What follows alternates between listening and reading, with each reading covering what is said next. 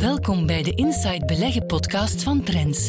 Met elke woensdag een blik op de economische actualiteit en uw beleggingen door Danny Reewegs, directeur analyse en strategie van Inside Beleggen.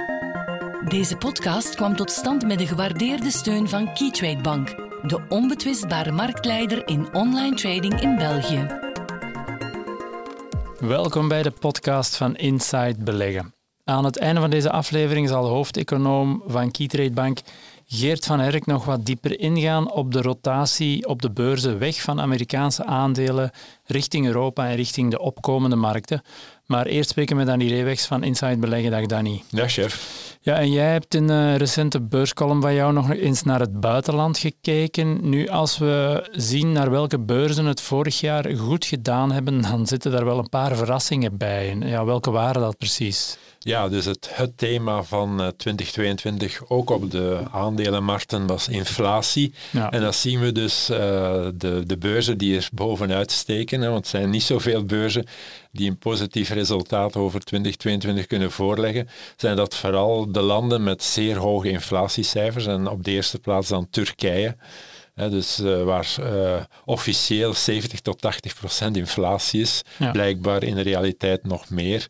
En ook in Argentinië. het land heeft dan wel de wereldbeker voetbal kunnen winnen met Messi, maar uh, voor de rest is dat toch ook kommer en kwel. Maar dat zijn wel beurzen die het zeer goed hebben gedaan. Waarom?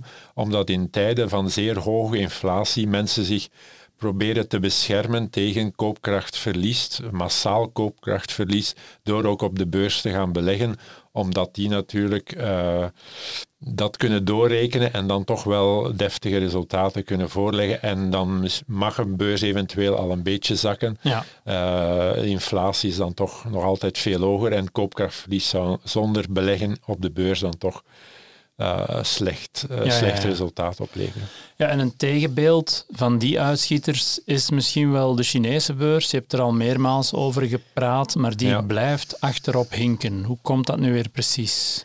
Ja, er zijn, allee, die, die indexen hebben op een gegeven moment 70% verloren op minder dan twee jaar tijd, om, om, omwille van drie opeenvolgende crisissen. De eerste crisis heeft de communistische partij zelf veroorzaakt, hè, door paal perk te willen stellen aan de opkomende macht en ook de rijkdom van, uh, van de miljardairs, de Jacques Maas van deze wereld, of van China in dit geval. Uh, dat mocht niet meer, ze werden te populair, ze werden te machtig, ze werden te groot, kon ook niet in, het, in een communistisch land waar toch gelijkheid voorop staat, dus herverdeling van de welvaart.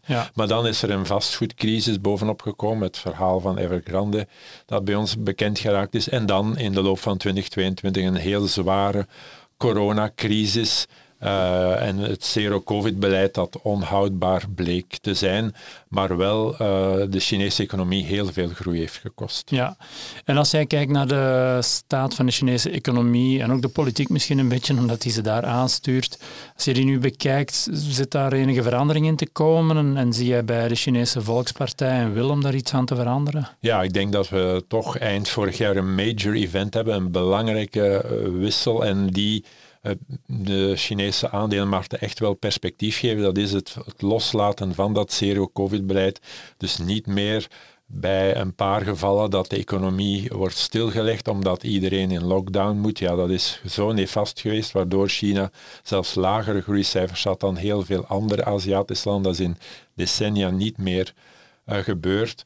En dan zijn er dus inderdaad heel veel protest gekomen, had men het niet meer onder controle en heeft uh, Xi Jinping en, en zijn omstanders toch wel gepanikeerd, denk ik, en hebben ze een grote omslag gemaakt, een U-turn in hun beleid, 180 graden omgekeerd naar heel strikte controle naar eigenlijk alles open. Ja. Uh, natuurlijk, dat geeft op korte termijn heel wat uh, COVID-gevallen.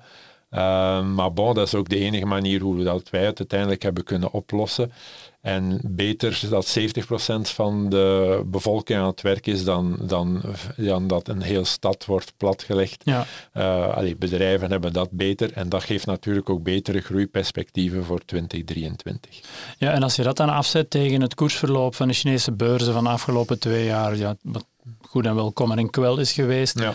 Ja, hoe staan die beurzen er dan momenteel uh, voor qua waardering? En, en zie je daar dan kansen in met die kentering die je nu hebt gezien rond dat COVID-beleid? Ja, je hebt de combinatie van een goedkope beurs, omdat ja, het buitenlands kapitaal natuurlijk is weggetrokken. Die, die schrokken heel hard, zeker van die uh, ingreep van de Communistische Partij in het bedrijfsleven, door die boetes, door die reglementeerswijzingen. Dat ziet men in het buitenland helemaal niet graag gebeuren. En dat heeft ervoor gezorgd dat Chinese aandelen in verhouding tot Amerikaanse op een 20 jaar dieptepunt stonden qua waardering, het waarderingsverschil tussen beide grote economieën, beide grote uh, markten.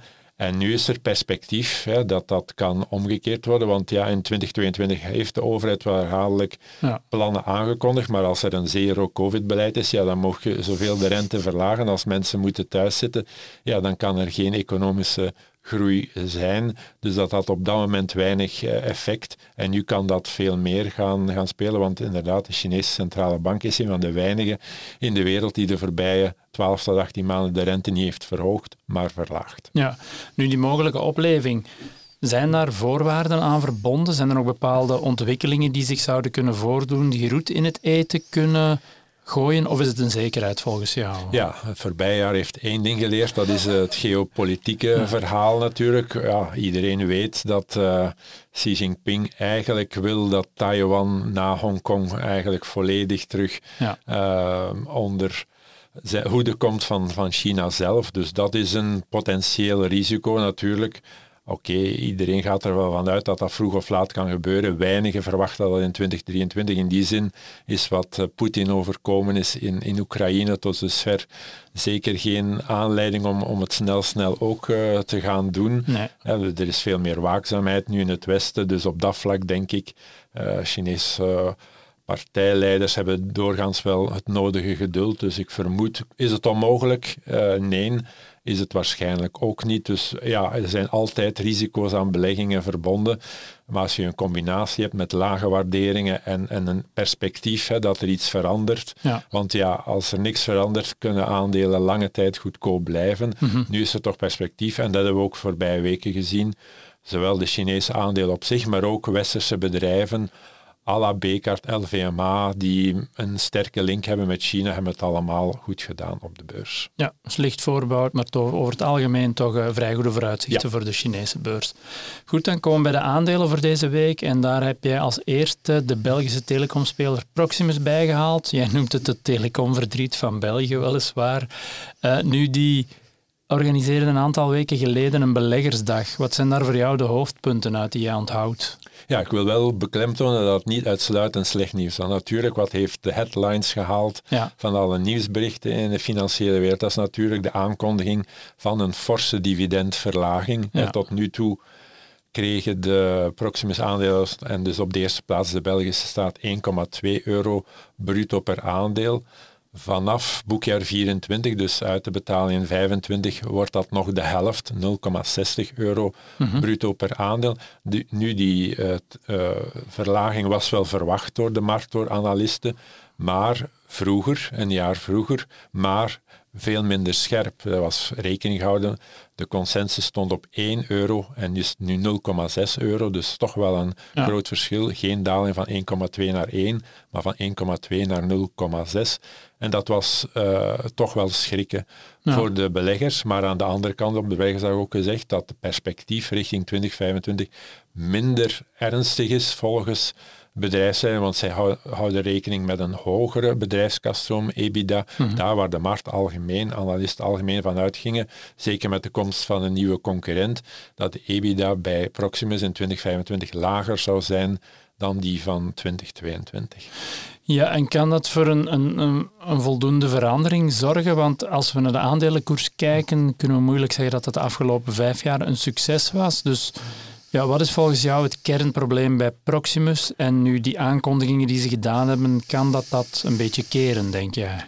Ja, de hoofdaandeelhouder van Proximus is de Belgische staat, 53 procent. En we weten, overheden, West-overheden zijn steeds verlegen om geld. Ja. Dan moet dat een dividend mag in de begroting worden ingeschreven. Uh, we hebben de financiële crisis gehad, we hebben de coronacrisis gehad, we hebben nu een energiecrisis. Telkens dat de overheid moet tussenkomen, wat het heel veel miljarden kost. Dus ja, kan je hen ook ergens niet verwijten dat ze dan maximaal dividenden vragen van hun uh, overheidsbedrijven. En dat is het bij Proximus gebeurd. Maar als vanuit het standpunt van de Proximus aandeelhouder, mm privé-aandeelhouder, is dat natuurlijk een ander verhaal. Want eigenlijk, heb ik ook geschreven, is een beetje de telecomkoe leeggemolken in de zin dat ze altijd zo goed als alle winst hebben moeten uitkeren. Want in uh, tien jaar geleden werd er nog meer dan 2 euro per aandeel uh, bruto dividend uitgekeerd. Dus altijd de winst ging eigenlijk naar de aandeelhouders, maar ja, dan kan je niet investeren. En lange tijd was dat niet zo'n probleem, was er, want in feite was er een duopolie op de Belgische markt met Proximus en Telenet. Ja. En konden ze toch nog goed hun brood verdienen, maar nu zeker richting 5G moet er massaal geïnvesteerd worden, maar Proximus had geen reserve, moest dus schulden beginnen te maken. En dat is nu wel het punt mhm. dat de, het management heeft gezegd, ja kijk, we hebben 2,5, 3 keer EBITDA aan schuld. Ja, sorry, verder gaan we niet. We gaan mhm. niet nog meer schulden opbouwen. Ja, en dan moet ergens anders die investeringen betaald worden. Uh, ja, dat kan dan door het dividend te verlagen, het aantal kostefficiëntie niet kernactiviteiten te verkopen, maar in essentie zal Proximus die investeringen dan betalen met een dividendverlaging. Ja, en als je dan kijkt naar die afstraffing, die koersafstraffing van de laatste vijf jaar, wat lees jij daarin? Is dat een overdrijving van de markt? En, en zie jij het de komende jaren beteren of hoe moeten we daar naar kijken? Ja, we moeten algemeen helaas zeggen dat telecomaandelen overal in Europa het moeilijk hebben. Bij, in andere landen was dat eerder. Hè. Wij hebben lang uh, stand gehouden, veel beter stand gehouden. Ik bedoel dan Telenet en Proximus. Lange tijd is Telenet zelfs een heel goede belegging um, geweest. In andere landen heeft die markt zich veel eerder, die concurrentie zich veel eerder voorgedaan. En zijn er dan ook spelers afgevallen? Het mooiste voorbeeld is de Nederlandse markt. Daar is de voorbije jaar een mobiele speler weggevallen. En heeft mhm. KPN, een beetje de Nederlandse tegenhanger van Proximus, het heel goed gedaan op de beurs. Hier is er een concurrent bijgekomen en hebben we gezien dat ook Telenet aandeel, niet alleen Proximus aandeel, het heel slecht heeft gedaan op de beurs, omdat ja, dat normaal gezien hun, hun winstgevendheid verder onder druk zet. Mhm. Dus algemeen, ja, zolang uh, die, al die investeringen moeten gebeuren, waar niet de bedrijven rijker van worden, hebben we gezien die glasvezelinvesteringen van Proxima, de plaats dat het al gebeurd is, heeft dat 2% extra marktaandeel opgeleverd. Ja, ja, daarmee kunnen die kosten niet dragen, maar ja, het moet wel gebeuren ten gunste van de consument, van de bedrijven, ja. maar niet ten gunste van de, de bedrijven zelf. Uh, en dus ja, die concurrentie is er, zal nog uh, erger worden in België. Dus voorlopig zijn er weinig uh, perspectieven om te zeggen, ja, koop die aandelen maar. Uh, Binnen drie tot vijf jaar ga je er zeker een mooi rendement op hebben. Nee. Een eventuele positieve keerzijde is dat we als consument misschien wel beter van worden. Ja. Um, tweede aandeel dat jij erbij hebt genomen zijn we bij de Nederlandse maaltijdmarktplaats en maaltijdbezorger Just Eat Takeaway. Uh, die kwam onlangs met een tipje van de sluier van zijn vierde kwartaalresultaten van 2022 en het totaaljaar van 2022. Uh, wat moeten we daaruit onthouden? Wat deden bijvoorbeeld de omzet in de bedrijfskastroom bij Just Eat? Ja, het was eigenlijk een gemengd beeld. We zien dat de omzet eerder stabiel was. Dus dat het aantal bestellingen met 9% is teruggelopen. Ja. Uh, betekent dat het bedrijf zich heeft geconcentreerd op kostenefficiëntie. Dat was ook wel nodig, hè, want er werd toch wel serieus wat geld verloren in 2021 en anderzijds ook gericht heeft op hogere transactiewaarden, want ondanks het feit dat de omzet niet is toegenomen, zien we toch een verbetering, duidelijke verbetering op vlak van bedrijfskaststroom, EBITDA. En zelfs dat ze op jaarbasis, dat was een positieve verrassing, net uh, terug in het zwart hun EBITDA kunnen schrijven. Uh, eh, 16 miljoen euro tegen 350 miljoen euro nog in het rood in 2021. Dus dat is toch wel een belangrijke ommekeer, dankzij dus een, een enorme versterking in de tweede jaarhelft van 2022 op vlak van EBITDA-evolutie. Ja, dus vroeger dan verwacht EBITDA positief. Hebben ze al een beetje iets kunnen vooruitblikken naar wat we van 2023 kunnen verwachten? Gaan ze op datzelfde elan door? Ja, we, zeker op vlak van EBITDA. We spreken voor 2023 over 225 miljoen euro EBITDA. Dat is natuurlijk nog niet uh, zo geweldig in verhouding tot vroeger tijd, maar we komen zoals gezegd van heel ver, van heel diep ja. vooral. En toch ook uh, geruststellend is dat uh, men verwacht dat vanaf de tweede jaar de omzet ook terug kan gaan groeien. Ja. Dus dat men die moeilijke, heel moeilijke periode nu toch wel achter de rug heeft, dat de situatie meer en meer terug onder controle komt bij Just Eat. Ja, en um, los van de resultaten, als je naar de balans gaat kijken, hoe staat Just Eat Takeaway er financieel voor? Kan het zijn groei, waar het nog op wil blijven inzetten de komende jaren, kan het dat nog voldoende financieren? Ook ja, dat is ook wel een positief punt. Hè. In de loop van 2022 heeft men zijn participatie in iFood kunnen verkopen. Braziliaans bedrijf kunnen verkopen aan Prozus, hè, bekend als groot aandeelhouder van Tencent, genoteerd op, ook op Euronext uh, Amsterdam. En dat geeft toch wel de nodige financiële ruimte, ongeveer 2 miljard euro uh, cashpositie. Men verwacht nog wel dat ook in 2023 nog een cash burn, dus het verbranden van cash zal zijn, ongeveer 250 miljoen. Maar dat is toch al een pak minder dan die uh, 550 miljoen euro cash burn die er nog afgelopen jaar is geweest. Ja, ja en dan tot slot, een beetje naar analogie misschien met Proximus. Uh, het aandeel van Just Eat Takeaway is ook zwaar afgestraft de laatste ja. jaren. Ja, de huidige koersniveaus, weerspiegelen die het potentieel dat je eventueel nog in het bedrijf ziet? Of zijn die terecht? Of hoe kijk jij er tegenaan? Ja, ik denk dat we hier toch een positiever verhaal kunnen geven, een positieve evolutie, hè, dat de situatie meer en meer, zoals gezegd, onder controle is. Daar waar je bij Proximus dat gevoel absoluut nog uh, niet hebt. Je hebt een stevige cashpositie, uh, je hebt terug resultaten die gunstig evolueren. Dus ik denk ja, dat een verdere re-rating, want dat is echt massaal afgestraft, ook die uh, Amerikaanse participatie Grubhub, ja, dat, was, dat woog enorm ja. op, uh, op de beurswaarde. Dus ik denk inderdaad dat we hier verder positief kunnen, kunnen evolueren en dat die hele, hele lastige periode, want we komen van echt van heel hoge niveaus, ja, dat die lastige periode achter de rug is. En dan moet je altijd dus die grafiek op enkele jaren terugnemen. Niet alleen kijken naar de grafiek van de voorbije zes maanden, want dan denken we, oei, oei, dat aandeel is al spectaculair ja. hersteld vanaf de bodem. Nee, als je het kadert uh, over de voorbije twee, drie jaar bijvoorbeeld, ja, dan zie je uh, dat toch nog wel verder uh, ruimte is voor koersherstel. Oké, okay, perfect. Jij bent heel hard bedankt voor jouw tijd en inzichten deze week en graag tot volgende keer. Graag gedaan, tot volgende keer. We luisteren nu naar Geert van Herk, Chief Economist van Keytrade Bank, met zijn analyse op een aspect van de economische actualiteit. Hallo iedereen en welkom bij onze wekelijkse bijdrage aan de Inside Beleggen podcast. Het zal vandaag misschien een wat uh, kortere versie zijn van deze podcast, want uh, wat ik in deze podcast wil vertellen komt er eigenlijk op neer dat we toch al sinds een aantal maanden zien dat de Amerikaanse aandelenmarkt toch duidelijk achterop blijft ten opzichte van de prestaties, ja, bijvoorbeeld de Europese aandelenbeurzen of de beurzen van de emerging markets. En waarom vertel ik dit? Ja, we weten allemaal sinds 2009, 2010 hebben Amerikaanse aandelen in het algemeen, maar zeker de Amerikaanse technologieaandelen in het bijzonder het zeer, zeer goed gedaan. Wie in een gediversifieerde, wereldwijd belegde aandelenportefeuille de afgelopen ja, 10, 11 jaar stelselmatig ja, Amerikaanse aandelen wat overwoog hè, ten opzichte van de benchmark in de portefeuille, ja, die zal natuurlijk ook een mooi resultaat behaald hebben in de afgelopen jaren. Want Amerika heeft het duidelijk veel, veel beter gedaan dan de rest van de wereld. Maar nu zien we sinds toch ja, oktober, november een duidelijke verzwakking van de prestaties van Amerikaanse aandelen. Komt natuurlijk ook natuurlijk bij dat ja, die grote Amerikaanse technologieaandelen toch een zeer moeilijk 2022 achter de rug hebben. Veel van die aandelen verloren toch ja, 40, 50, 60 procent. Dat is natuurlijk uh, niet min. Ja, we wisten natuurlijk ook wel dat ze serieus overgewaardeerd waren. Toen het goed ging 2020, 2021. En dan in 2022 lijkt er toch een ommekeer uh, gebeurd te zijn.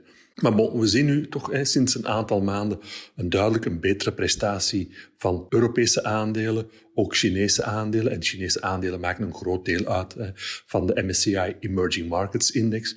Dus ja, de boodschap van deze podcast is ook een beetje, ja, misschien is het nu die, zitten we nu in die overgangsfase dat uh, andere continenten, andere regio's die leidersrol van Amerika gaan overnemen. Ik denk dat dat ook een heel belangrijk aandachtspunt is. Ja, als we eind 2022 zo'n beetje de voorspellingen voor 2023 lazen, ging het heel vaak over ja, inflatie, centrale bankiers en dat soort zaken.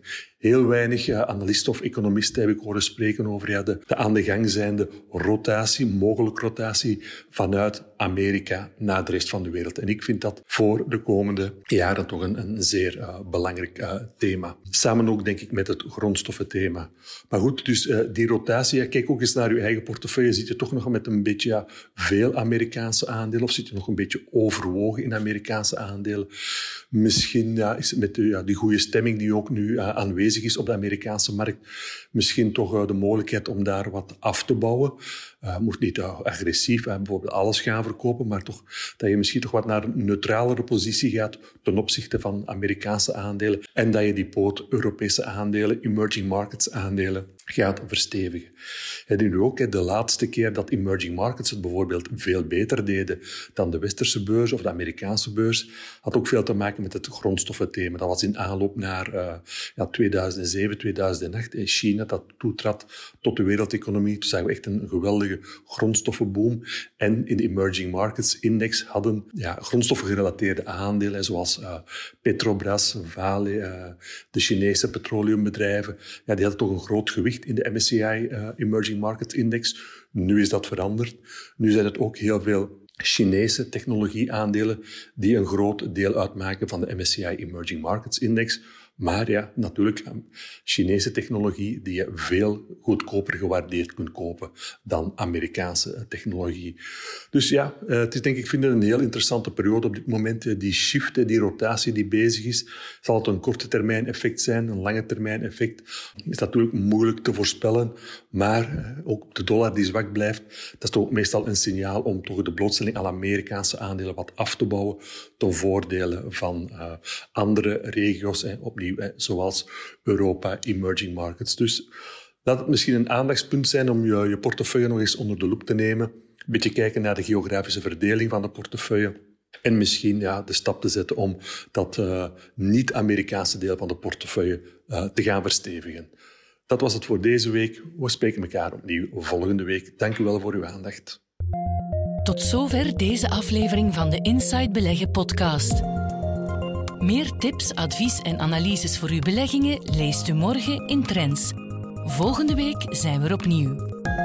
Deze podcast kwam tot stand met de gewaardeerde steun van Keytrade Bank, de onbetwistbare marktleider in online trading in België.